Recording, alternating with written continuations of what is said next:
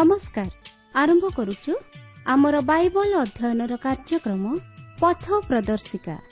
ପବିତ୍ର ବାଇବଲ କହେ ଯଦି ଆମ୍ଭେମାନେ ଆପଣା ଆପଣା ପାପ ସ୍ୱୀକାର କରୁ ତେବେ ସେ ଆମ୍ଭମାନଙ୍କର ପାପ କ୍ଷମା କରିବାକୁ ଓ ସମସ୍ତ ଅଧର୍ମରୁ ଆମ୍ଭମାନଙ୍କୁ ପରିଷ୍କାର କରିବାକୁ ବିଶ୍ୱସ୍ତ ଓ ନ୍ୟାୟବାନ ଅଟନ୍ତି।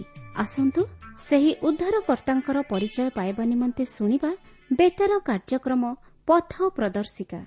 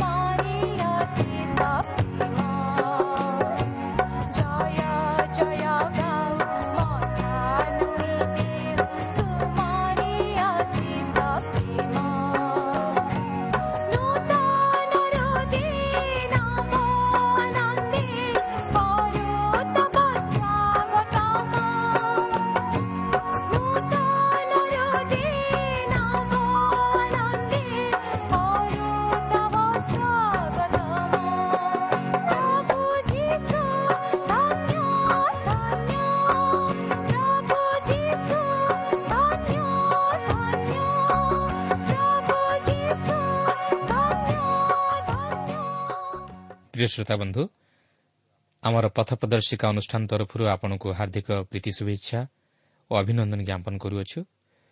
ଆପଣଙ୍କର ସହଯୋଗ ନିମନ୍ତେ ବିଶେଷ ଧନ୍ୟବାଦ। ଆପଣଙ୍କର ମତାମତ ନିମନ୍ତେ ମଧ୍ୟ ବିଶେଷ ଖୁସି। କେବଳ ସେତିକି ନୁହେଁ ଆପଣ ଅନ୍ୟମାନଙ୍କୁ ମଧ୍ୟ ଏହି କାର୍ଯ୍ୟକ୍ରମ ଶୁଣିବା ନିମନ୍ତେ ଉତ୍ସାହିତ କରୁଥିବାର ଜାଣି ଆମେ ମଧ୍ୟ ବିଶେଷ ଆନନ୍ଦିତ। ପ୍ରଭୁ ଆପଣଙ୍କୁ ଆଶୀର୍ବାଦ କରନ୍ତୁ। ଆହୁରି ଆହୁରି ଆତ୍ମିକ ଜୀବନରେ ବର୍ଦ୍ଧିଷ୍ଣୁ କରାନ୍ତୁ ଓ ଆପଣଙ୍କର ମନୋବାଞ୍ଛା ପୂର୍ଣ୍ଣ କରନ୍ତୁ। ଆସନ୍ତୁ ତାହେଲେ ପ୍ରଭୁଙ୍କର ବାକ୍ୟ ମଧ୍ୟ ଦେଇ ଯିବା ପୂର୍ବରୁ ପ୍ରାର୍ଥନାରେ ପ୍ରଭୁଙ୍କ ନିକଟରେ ନିଜର ଜୀବନକୁ ସମର୍ପଣ କରିବା। ଆସନ୍ତୁ ପ୍ରାର୍ଥନା କରିବା। ପ୍ରିୟ ପବିତ୍ର ପ୍ରଭୁ ଆମମାନଙ୍କର ସୃଷ୍ଟିକର୍ତ୍ତା ତଥା ଉଦ୍ଧାରକର୍ତ୍ତା ନିତ୍ୟ ଜୀବିତ ଈଶ୍ୱର ପ୍ରତିଜ୍ଞାରେ ବିଶ୍ୱସ୍ତ ପରମେଶ୍ୱର। ପ୍ରଭୁ ତୁମର ବାକ୍ୟ ଅନୁଯାୟୀ ତୁମେ ଆମମାନଙ୍କ ଜୀବନରେ ସମସ୍ତ ବିଷୟ ସାଧନ କରିଅଛ। ଅନେକ ଶ୍ରୋତାବନ୍ଧୁମାନଙ୍କୁ ପ୍ରଭୁ ତୁମେ ସୁସ୍ଥତା ଦେଇଛ। ଅନେକଙ୍କର ସମସ୍ୟା ତୁମେ ସମାଧାନ କରିଅଛ ବୋଲି ତୁମର ଧନ୍ୟବାଦ କରୁଅଛ। କାରଣ ପ୍ରଭୁ ଯେଉଁମାନେ ବିଶ୍ୱାସରେ ତୁମ ନିକଟକୁ ଆସନ୍ତି ସେମାନେ ପାପରୁ ଉଦ୍ଧାର ପାଇବା ସଙ୍ଗେ ସଙ୍ଗେ ପରିତାଣର ଅଧିକାରୀ ହୁଅନ୍ତି ବାସ୍ତବ ଶାନ୍ତି ପାଆନ୍ତି। ହଁ ପ୍ରଭୁ ଆଜି ମଧ୍ୟ ଅନେକ ଶ୍ରୋତାବନ୍ଧୁମାନେ ତୁମର ସେହି ଶାନ୍ତିର ଆଉ ତୁମର ସେହି ପରିତାଣର ଅପେକ୍ଷାରେ ଅଛନ୍ତି। ପ୍ରତ୍ୟେକଙ୍କୁ ତୁମର ଶାନ୍ତି ଓ ପରିତ୍ରାଣରେ ପରିପୂର୍ଣ୍ଣ କରି ତୁମରି ଗୌରବ ମହିମା ପାଇଁ ପ୍ରଭୁ ତୁମେ ସୁରକ୍ଷା କର। ପ୍ରତ୍ୟେକ ଶ୍ରୋତାବନ୍ଧୁମାନଙ୍କୁ ତୁମେ ଆଶୀର୍ବାଦ କର। ଆଜିର ଏହି କାର୍ଯ୍ୟକ୍ରମ ମଧ୍ୟ ଦେଇ ତୁମେ ଆମମାନଙ୍କ ସହିତ କଥା କୁହ। ତୁମର ପବିତ୍ର ଉପସ୍ଥିତି ଆମମାନଙ୍କୁ ଉପଲବ୍ଧି କରିବା ପାଇଁ ଦିଅ। ତୁମରି ଶାନ୍ତି ତୁମର ଆଶୀର୍ବାଦ ଦେଇ ଆମମାନଙ୍କୁ ସୁରକ୍ଷା କର। ଯୀଶୁଙ୍କ ନାମରେ ମାଗୁଅଛୁ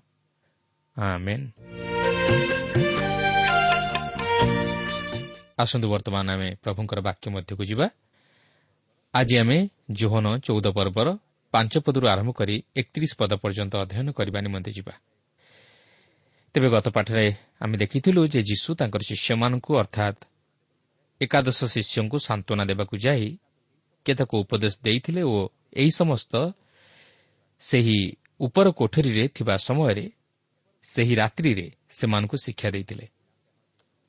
ସେ ସେମାନଙ୍କୁ ଉତ୍ସାହ ଦେଇ କହନ୍ତି ଯେ ସେ ସେମାନଙ୍କ ନିମନ୍ତେ ସ୍ଥାନ ପ୍ରସ୍ତୁତ କରିବା ପାଇଁ ଯାଉଅଛନ୍ତି ଓ ସେ ପୁନର୍ବାର ଆସି ସେମାନଙ୍କୁ ସେହି ସ୍ଥାନକୁ ନେଇଯିବେ ବୋଲି କହନ୍ତି।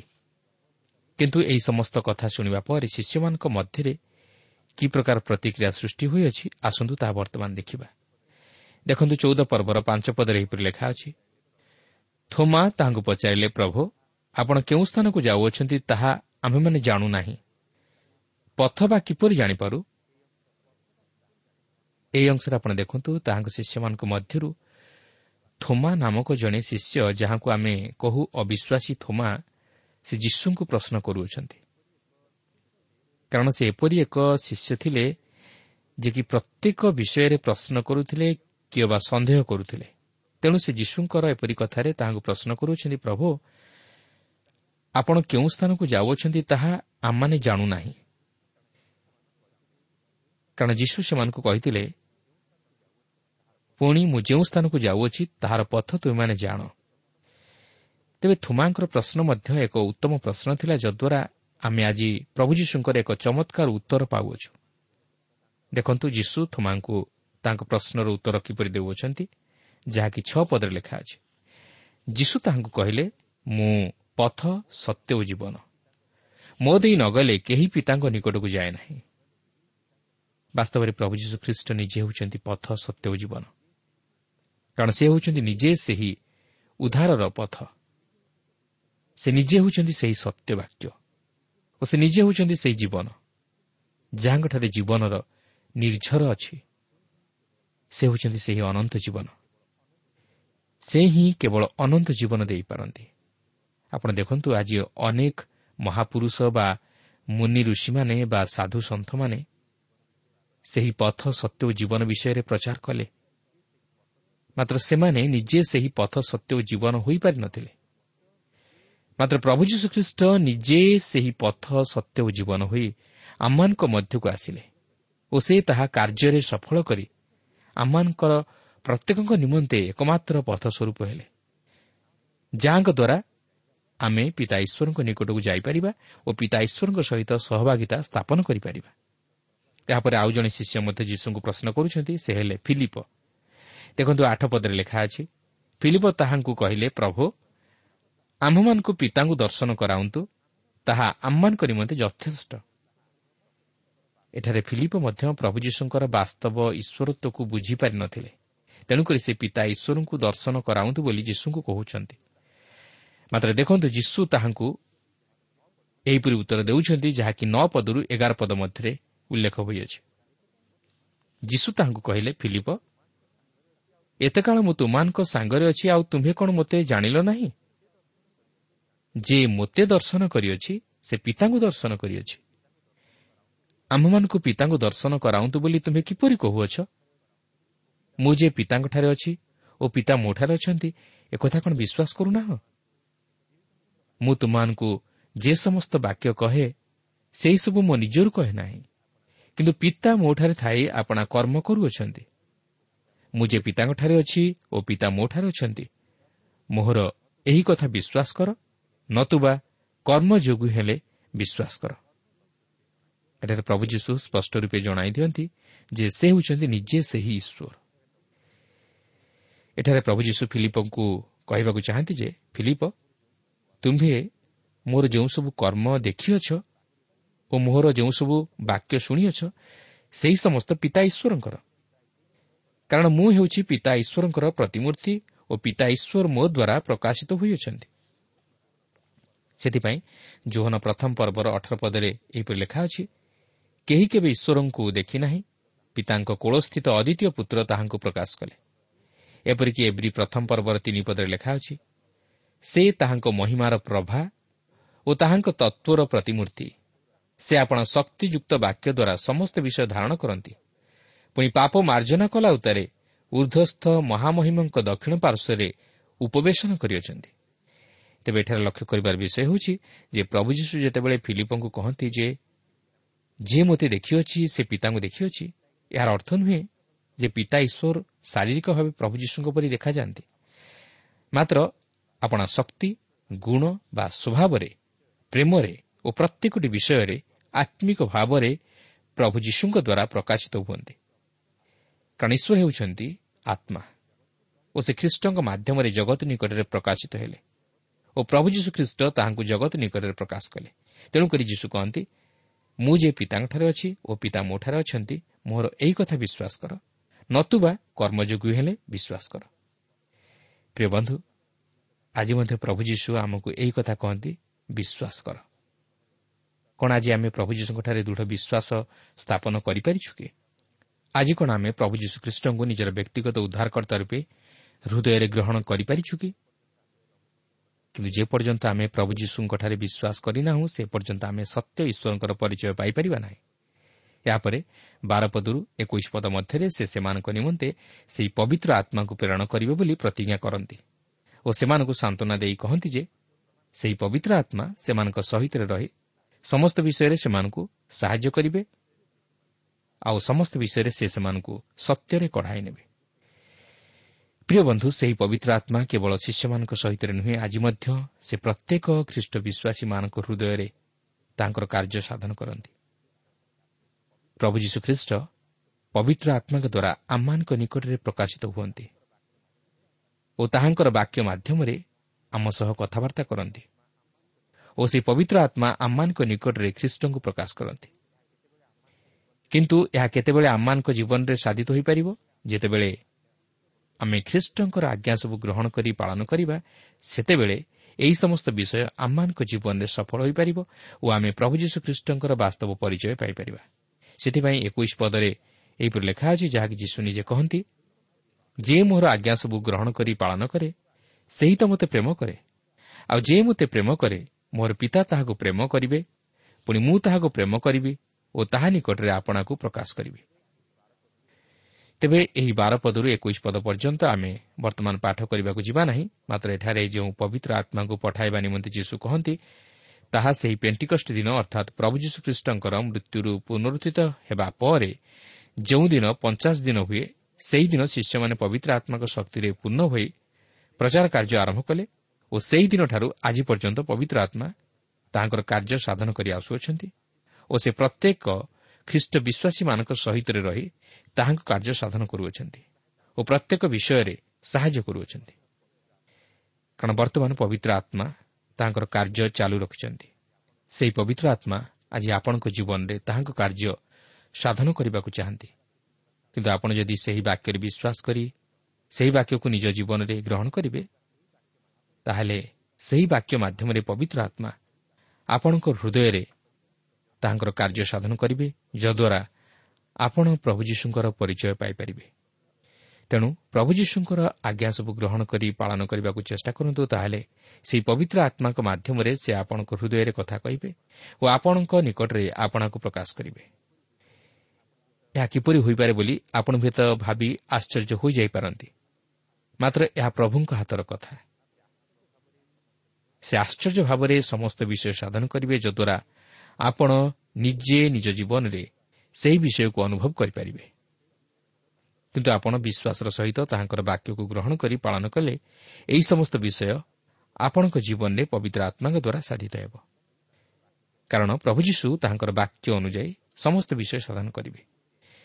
ତେବେ ଆମେ ଦେଖିଲୁ ଯେ ପ୍ରଥମେ ପିତର ତାପରେ ଥୋମା ତୃତୀୟରେ ଫିଲିପ ଯୀଶୁଙ୍କ ସହିତ ଏହି ଉପର କୋଠରୀରେ ସେହି ଆଲୋଚନାରେ ଏକ ମୁଖ୍ୟ ଅଂଶ ଗ୍ରହଣ କରିଥିଲେ। କିନ୍ତୁ ଚତୁର୍ଥରେ ଆମେ ଆଉ ଜଣେ ଶିଷ୍ୟଙ୍କ ବିଷୟରେ ଦେଖିବା ସେ ହେଲେ ଜିହୁଦା। ମାତ୍ର ଏ ଇସ୍କରିଓତ୍ ଜିହୁଦା ନଥିଲେ।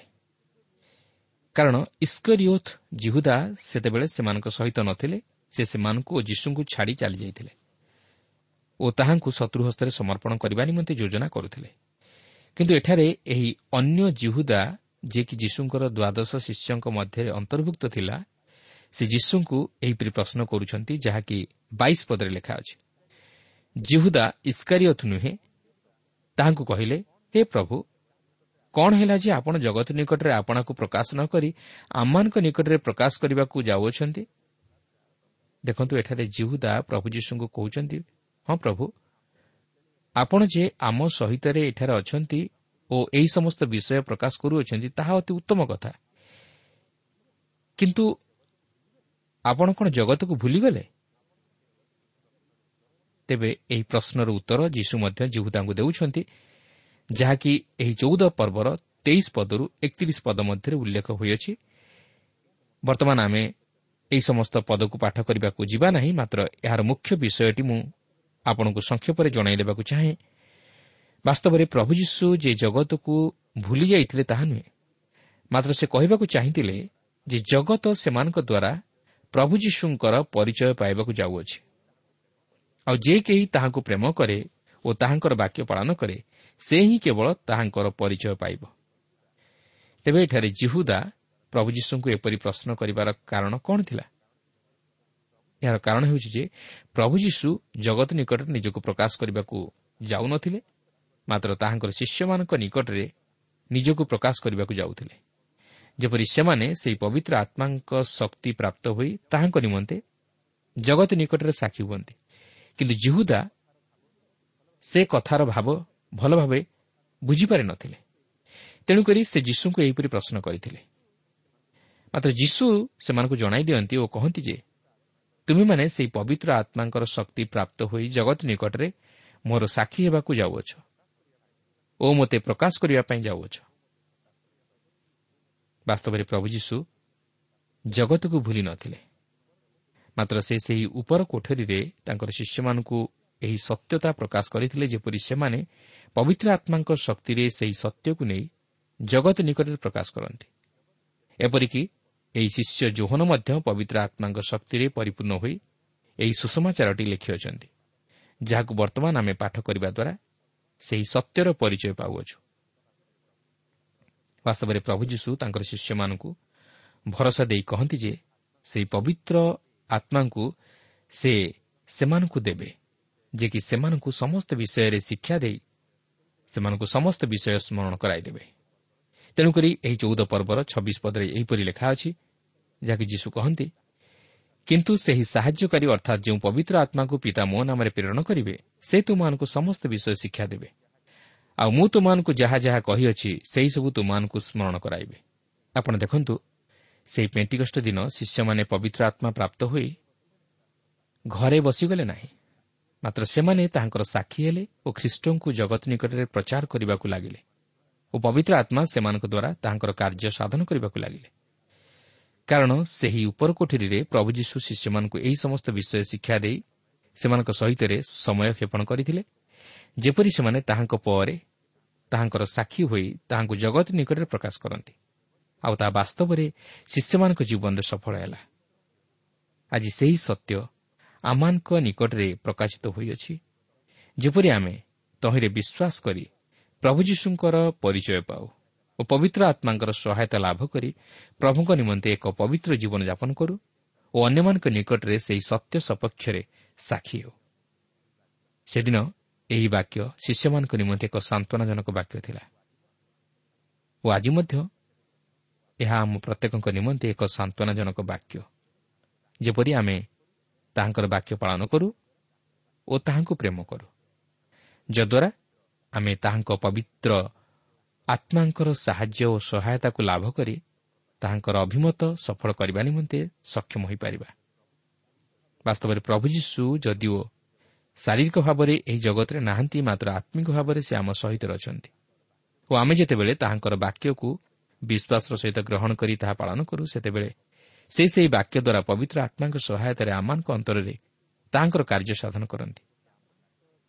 ଓ ସେ ଆମମାନଙ୍କ ସହିତ କଥା କୁହନ୍ତି ଓ ସମସ୍ତ ବିଷୟରେ ଆମକୁ ସାହାଯ୍ୟ କରି ସମସ୍ତ ପ୍ରକାର ସମସ୍ୟାରୁ ତଥା ବିପଦରୁ ଆମମାନଙ୍କୁ ଉଦ୍ଧାର କରନ୍ତି।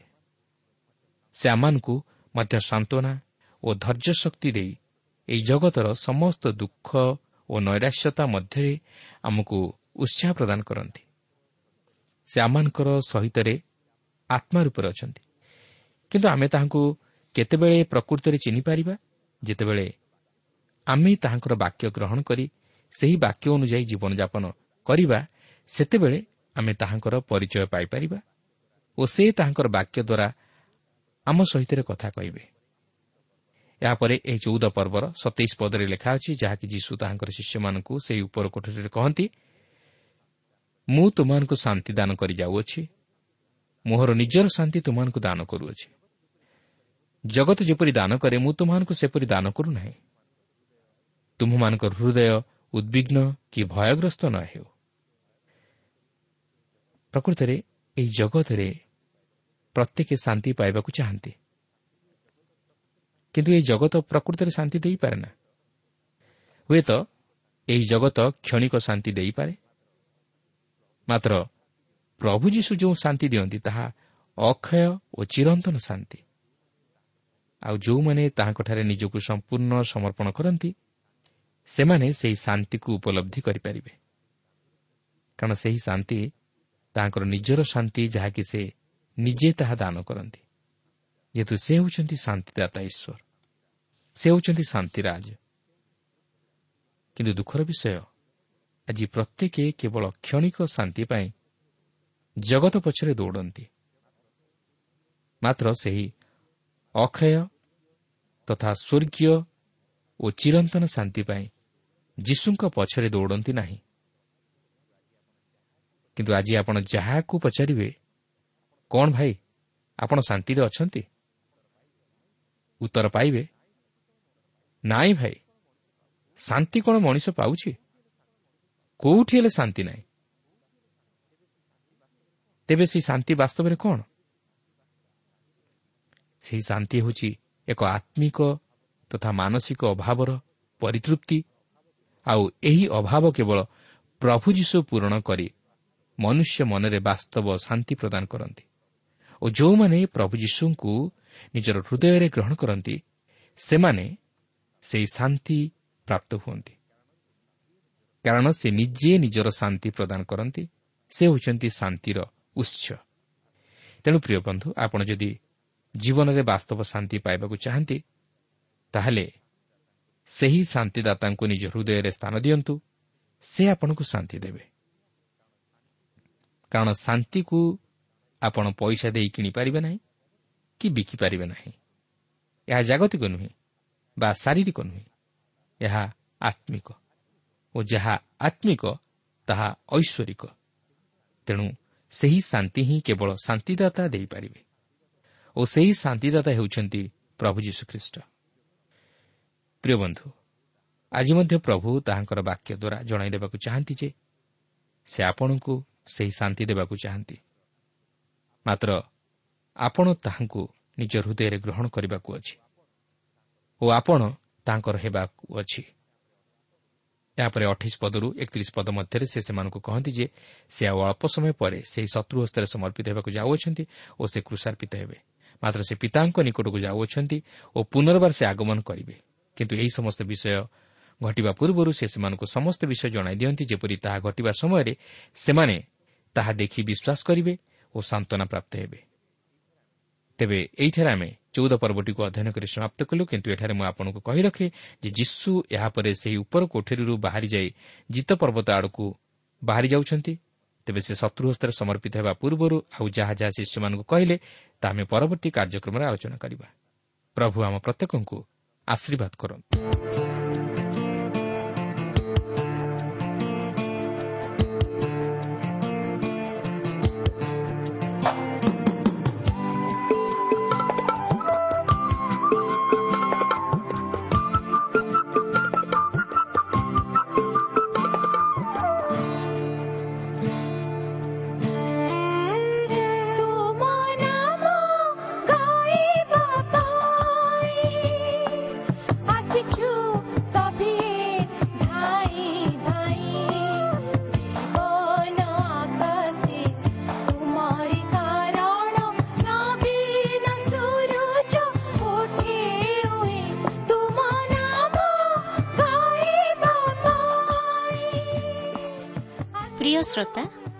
ଆପଣ ଈଶ୍ୱରଙ୍କ ବାକ୍ୟ ଶୁଣିବା ନିମନ୍ତେ ସମୟ ଦେଇଥିବାରୁ ଆମେ ଧନ୍ୟବାଦୀ। ଆପଣ ଯଦି ପ୍ରଭୁ ଯୀଶୁଙ୍କର ବାକ୍ୟ ବିଷୟରେ ଓ ତାହାଙ୍କର ପ୍ରେମ ବିଷୟରେ ଅଧିକ ଜାଣିବାକୁ ଚାହାନ୍ତି ଯାହାକି ଆପଣଙ୍କୁ ପାପରୁ ଉଦ୍ଧାର ପାଇବା ନିମନ୍ତେ ପଥ ଦେଖାଇବ ତାହେଲେ ଆମ ସହିତ ପତ୍ର ମାଧ୍ୟମରେ ଅଥବା ଟେଲିଫୋନ ଯୋଗେ ଯୋଗାଯୋଗ କରନ୍ତୁ। ଆମର ଠିକଣା ପଥ ପ୍ରଦର୍ଶିକା trans world radio India post box number ତିନି ତିନି ଭୁବନେଶ୍ୱର ସାତ ପାଞ୍ଚ ଏକ ଶୂନ ଶୂନ ଏକ mobile number nine seven double seven double two one four one five ଠିକଣାଟି ଆଉଥରେ ଶୁଣନ୍ତୁ ପଥ ପ୍ରଦର୍ଶିକା trans world radio India post box number three three Bhubaneswar seven five one zero zero one mobile number nine seven double seven double two one four one five আমার email আড্রেসটি লিখে রাখুন Odia TV at radio eight eight two dot com তেবে আজি পাই এঠারে রখুছু প্রভু যীশু আপনকু আশীর্বাদ করন্তু নমস্কার